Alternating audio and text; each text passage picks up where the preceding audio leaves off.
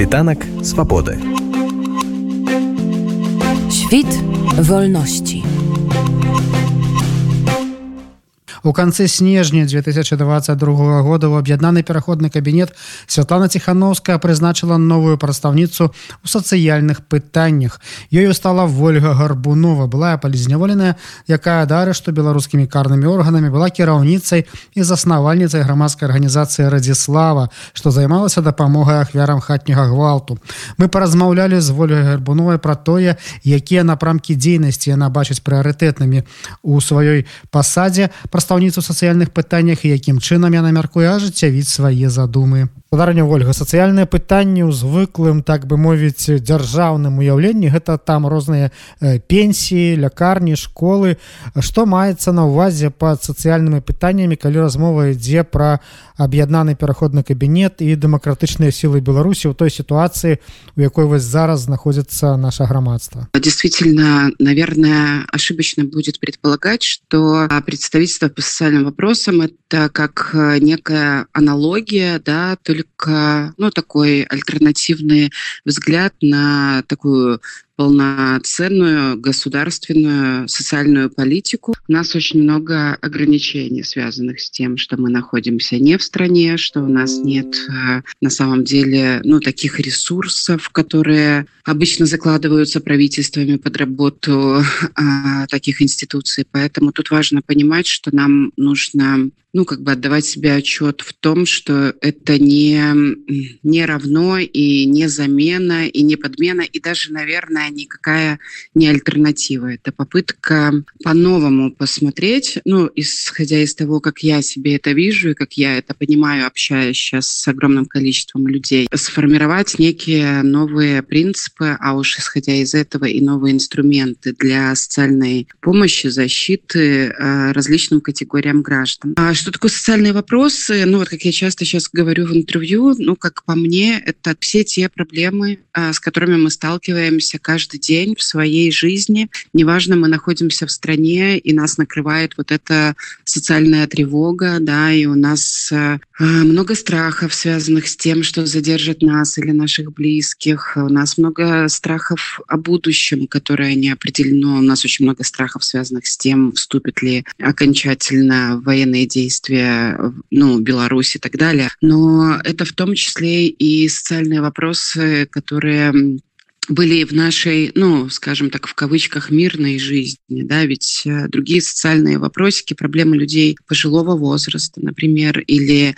женщины, которые столкнулись с домашним насилием, или люди с инвалидностью, или э, мигрантский кризис. То есть э, важно понимать, что те наши социальные вопросы из мирной жизни, они тоже никуда не делись. И вот эта дикая ситуация, когда сейчас ликвидировано 925 НГО и мы знаем, что гораздо большее количество НГО еще принудили податься на самоликвидацию, когда мы видим, что огромное количество людей, которые обращались в такие независимые сервисы, которые могли получать и социально-психологическую поддержку, и медицинскую помощь, и гуманитарную помощь, мы видим, что, конечно, сейчас, э, к сожалению, ни у государства нет э, интереса вовлекаться в решение таких проблем, потому что весь аппарат сейчас построен на работу такую карательную по выявлению и пресечению инакомышленников. Вот. Но и удем сил. Ну, то есть я прекрасно понимаю, что и в, в представительстве, а, куда меня назначили, основной приоритет — это репрессированные, это политзаключенные, их близкие. Я понимаю, что очень много сейчас таких приоритетных, насущных проблем, которые болят всем. Но мне кажется, очень важно именно в таком широком контексте э, называть наши социальные проблемы, потому что даже проблемы среди политзаключенных, они разные. Ну, например, можем ли мы говорить о том, что опыт заключения одинаков для человека, который условно здоров или у которого там определенная уже стадия онкологического заболевания, да?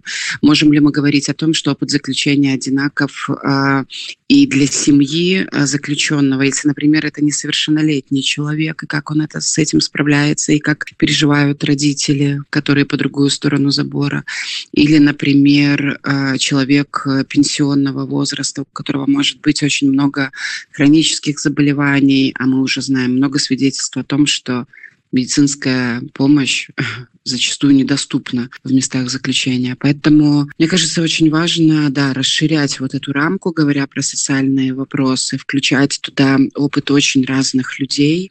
Вот. И, но говоря про приоритет, я, конечно же, говорю про фокус в Беларуси. Это политзаключенные, их близкие и репрессированные белорусские и белорусы. Это люди, находящиеся в стране. И как второе направление, это э, белорусские и белорусы, находящиеся за границей. Да, и тогда мы тут говорим про очень много других социальных уже новых проблем, с которыми сталкиваются наши граждане за границей. Это вопрос легализации, это вопрос здоровья, это поиск работы, это экстренные эвакуации, когда у человека нет легальных возможностей покинуть страну. То есть, ну, вот такие направления наши. Адзін з асноўных наратываў дзяржаўнай прапаганды заўсёды было гэта тое што Беларусь гэта сацыяльна арыентаваная дзяржава. Але вось я звычайна ну, такім выпадку жартаваў што у нашай краіны нетрадыцыйная нейкая сацыяльная арыентацыя неяк у нас у цэнтры гэтай сацыялкі ніколі не быў чалавек асоба. А якразкі наадварот нейкае такое абстрактнае грамадства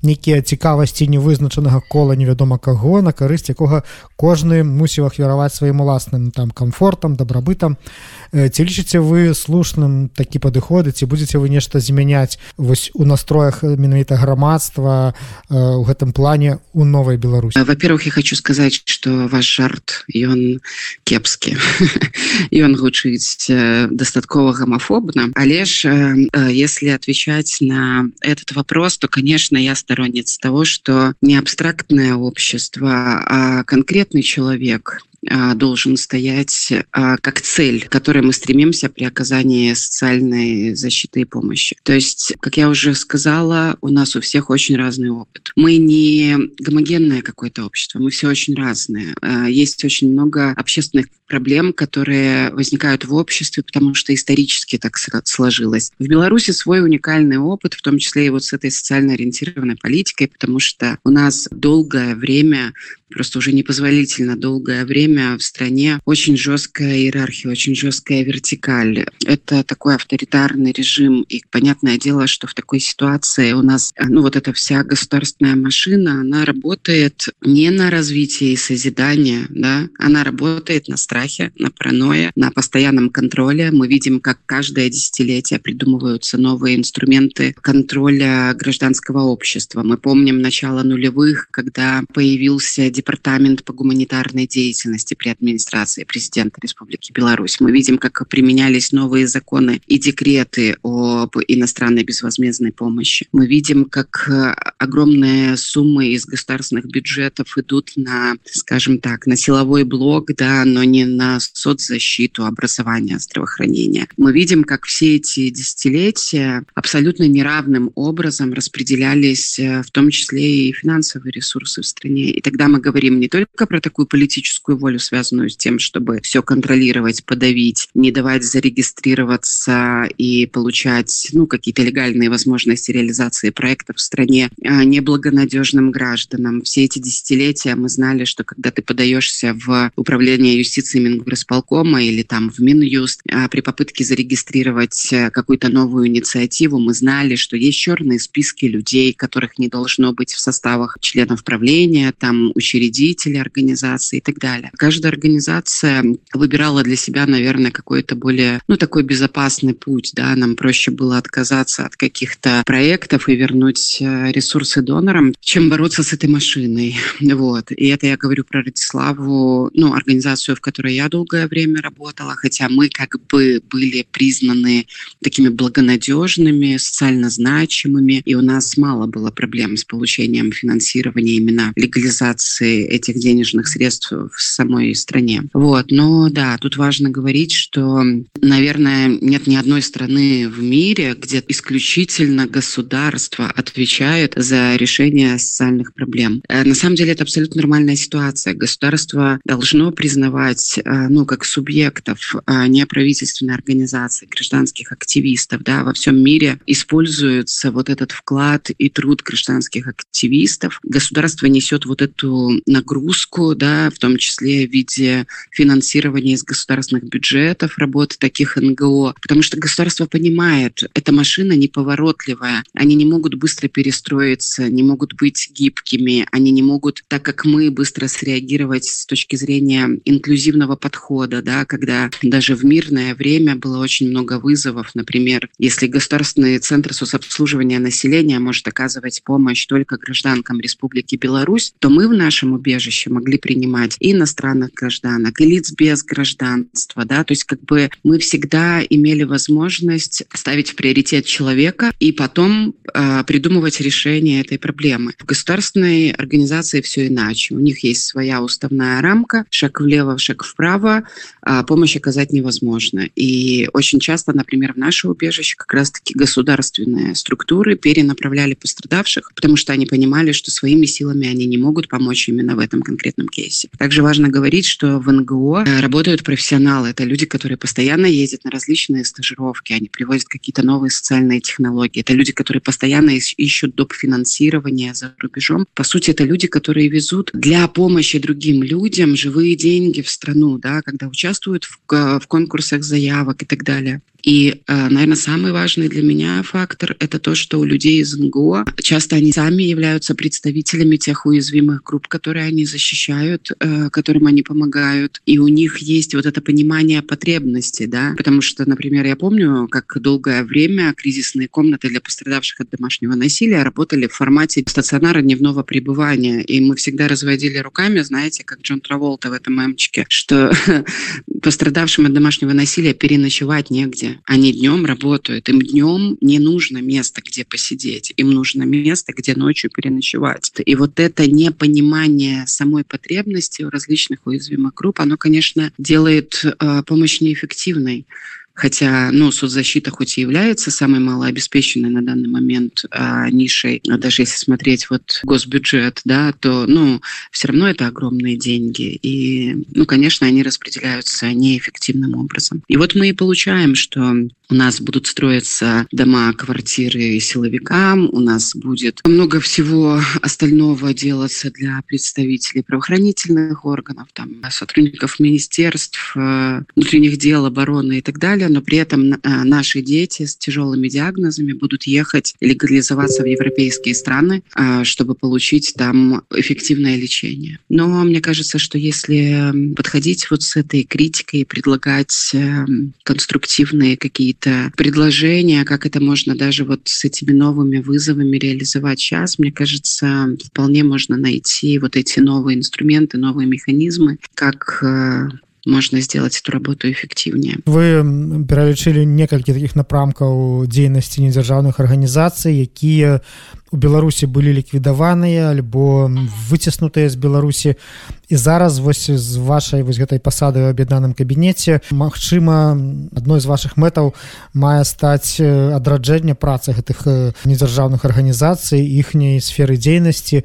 Ці задумваліся вы як гэта магчыма як это магчыма не скіраваць у пэўнае рэчышча і вярнуць гэтую працу якая запатрабавана на самом деле восхищает то что происходит сейчас с мго сектором беларускім и я точно знаю про инициативы, которые продолжают оказывать помощь для людей, находящихся в самой Беларуси. Я вижу, как э, многие инициативы ну, переформатировали как бы свои направления деятельности. Многие включили ну, как целевые группы это белорусских и белорусов, вынужденных покинуть страну. Поэтому восхищает одно, что негосударственные организации продолжают свою работу. То есть ее даже и обновлять э, не нужно, потому что она вот таким натуральным образом образом ну, кроме тех, кого посадили. Понятное дело, что там эти правозащитники, эти активисты сейчас ничего не могут с этим сделать. Но я вижу, что коллежанки, коллеги всех этих людей, они продолжают это дело. Вижу свою задачу в том, чтобы исследовать вопрос потребностей для таких НГО и просто помочь э, объединять ресурсы, помочь находить ресурсы. Я не думаю, что задача представительства как-то ну, координировать работу. Кто мы такие? Это работа на налажено. Многие организации, ну, например, Радислава должна была в октябре отметить 20 лет. К сожалению, сейчас значительная часть направлений перешла в такой онлайн-режим, скажем так, да, но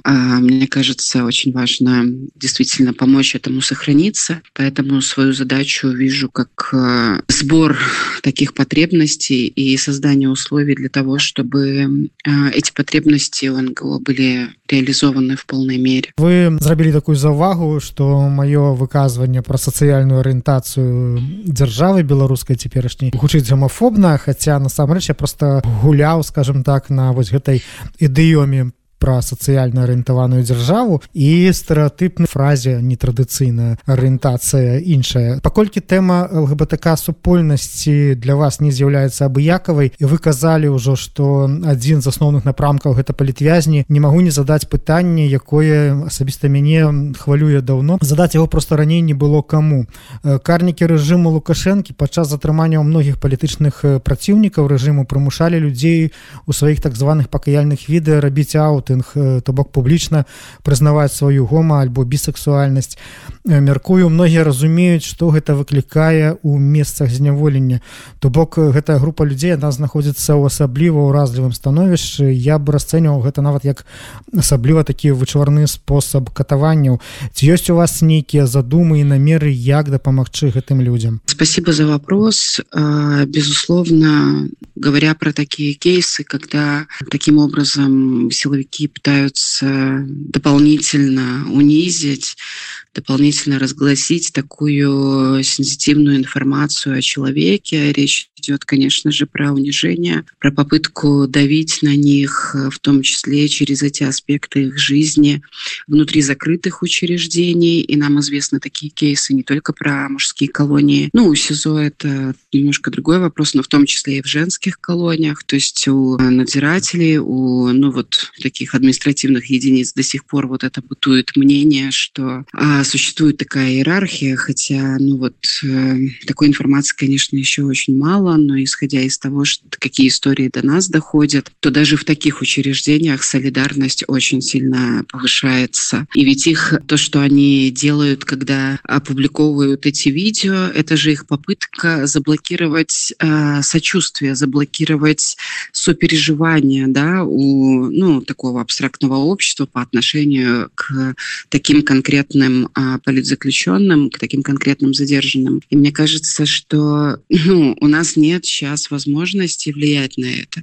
Мы не можем влиять ни на интенсивность, частоту задержаний сейчас в Республике Беларусь. Мы не можем влиять на то насилие, которое применяется в момент задержания. Мы не можем влиять на то, что с людьми происходит уже в самом Губопе, где снимают эти видео и так далее. Но то, что мы точно можем на что влиять, это продолжать поддерживать всех политзаключенных, неважно, это медийный человек или не медийный, это человек, которого заставили совершить вот такой прилюдный э, камин или это человек, э, которого заставляют озвучивать свой высокий доход в сфере IT. Э, это человек, у которого нашли, э, мало того, что он протестующий, например, еще какой-нибудь косяк, и параллельно идет, ему вменяют 328 статью и обзывают во всех роликах наркоманом. Или, например, это не знаю, женщину, у которой 15 котов. Я помню, вот летом была информация про такое видео, да, когда они вот, ну, всякое разное используют при обнаружении, там, не знаю, дома в момент обыска каких-нибудь интимных фотографий или секс-игрушек, или котов, или им не нравится, какой быт у человека, не нравится, какой ремонт. Ну, то есть они же найдут любой повод. Важно понимать, что для агрессоров нужна не причина, им нужен повод. И они могут любой такой повод раскручивать с точки зрения давления и унижения человека, и чтобы мы не сочувствовали такому человеку. Поэтому все, что в наших силах, это продолжать поддерживать каждую и каждого и осуждать дискриминацию. Не бойтесь писать об этом. Я видела комментарии под новостями вот про эти аутинги со стороны силовиков, я видела очень много возмущенных комментариев от людей, ну, от которых я даже не так, чтобы сильно ожидала такое услышать. Для меня лично, я уверена, уверена, для родственников таких политзаключенных очень важно, когда публично это осуждается. У нас есть сейчас такая возможность, хоть такая страшная возможность, это вообще понять, а о настоящей ли демократии мы все говорим и о настоящих ли демократических ценностях, когда а, мы вот таким образом реагируем на эти новости. Поэтому Солидарность и осуждение дискриминации – это то, что в наших силах. А планируем ли мы дополнительно что-то делать для оказания помощи таким политзаключенным. Безусловно, есть э, специализированные службы поддержки, помощи, фонды. То есть э, наша же задача ну, просто дождаться того момента, когда люди смогут покинуть опасную ситуацию. И тогда будет возможность им помогать проживать этот опыт. Но пока люди заперты, все, чем мы можем их поддержать, это поддерживать их близких, это быть с ними на связи, писать письма. К сожалению, ну вот достаточно ограничено у нас сейчас інструменты взаимоподдержки і помощи. Вы уже казалі ў сМ что трэба абмяркоўваць грамадствам тое ці варта гандлявацца з рэжымам наконт вызвалення палітвязняў.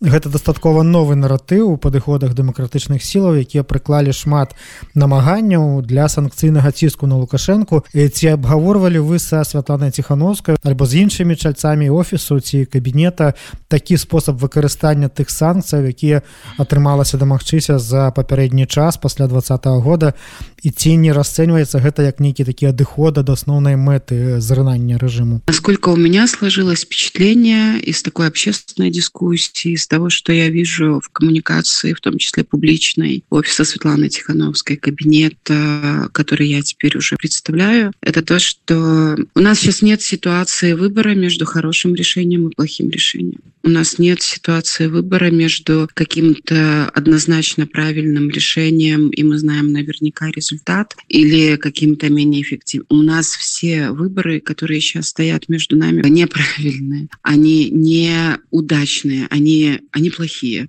Ну, то есть хороших перспектив никто не ждет. Все ожидают только огромных сложностей. Нет готовых решений. И мне кажется, моя задача — это искать их. Я точно вижу гибкость, готовность обсуждать этот вопрос. Я точно вижу, и что я разделяю, что в первую очередь самая главная опора это понимание ценностей, ценностей, которые есть у э, демократических сил, ценности, которые есть у гражданских активистов, которые высказываются на эту тему. Я вижу, что это абсолютно одинаково всем болит, потому что у каждой, у каждого из нас есть близкие, которые уже сидят, либо близкие, которых только задержали, либо мы сами пережили такой опыт. И мы прекрасно понимаем, что это решение искать нужно. Важно услышать мнение очень разных разных представителей, даже если нам кажется, что с кем-то мы не согласны, потому что приоритет всегда будет человек. Возможно, те инструменты, которые использовали различные стороны, а, различные представители демсил, они не всегда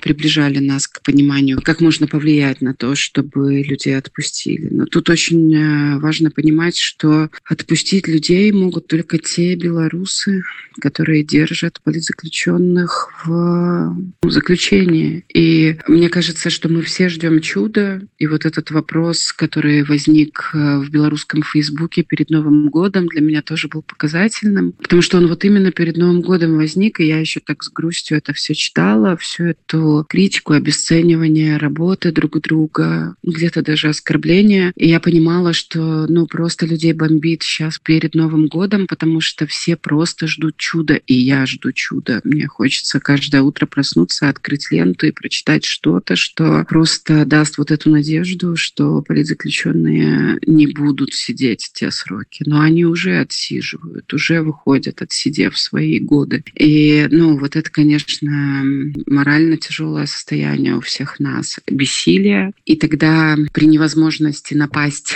на того, кто совершает зло, а, мы нападаем друг на друга. Поэтому, мне кажется, нам нужно передать ответственность за случившееся с политзаключенными тем, кому она принадлежит, это режиму. А мы говорим сейчас не только про освобождение, да, мы говорим про те невыносимые бытовые условия, нечеловеческие условия, в которых содержатся политзаключенные. Это давление через близких, это практически абсолютное отсутствие медицинской помощи. Тут важно понимать, что нам нужно передать эту ответственность, не брать ее на себя, потому что не мы держим заложников, но при этом понимать и искать пути выстраивания диалогов. Как многие комментируют часто этот вопрос э, про то, что даже Украина которую бомбят, ведут переговоры с Россией по обмену военнопленными. Да, у нас нет никого в заложниках, но давайте думать о том, что мы можем использовать, в чем есть наши ресурсы, наша сила. Поэтому это, конечно, очень тяжелый вопрос, и мое назначение было объявлено еще на пике этой общественной дискуссии. Честно говоря, лично у меня такой холодок по спине каждый раз, когда мне журналисты задают этот вопрос, потому что мне кажется, что теперь на меня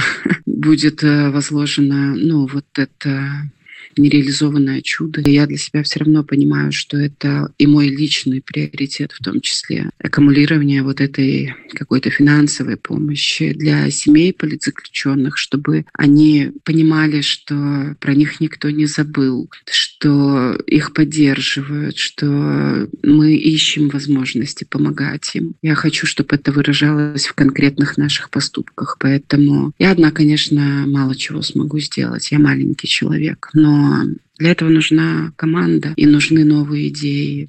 Я думаю, что как раз мы и будем этим заниматься. Мы будем реалистами, будем требовать невозможного.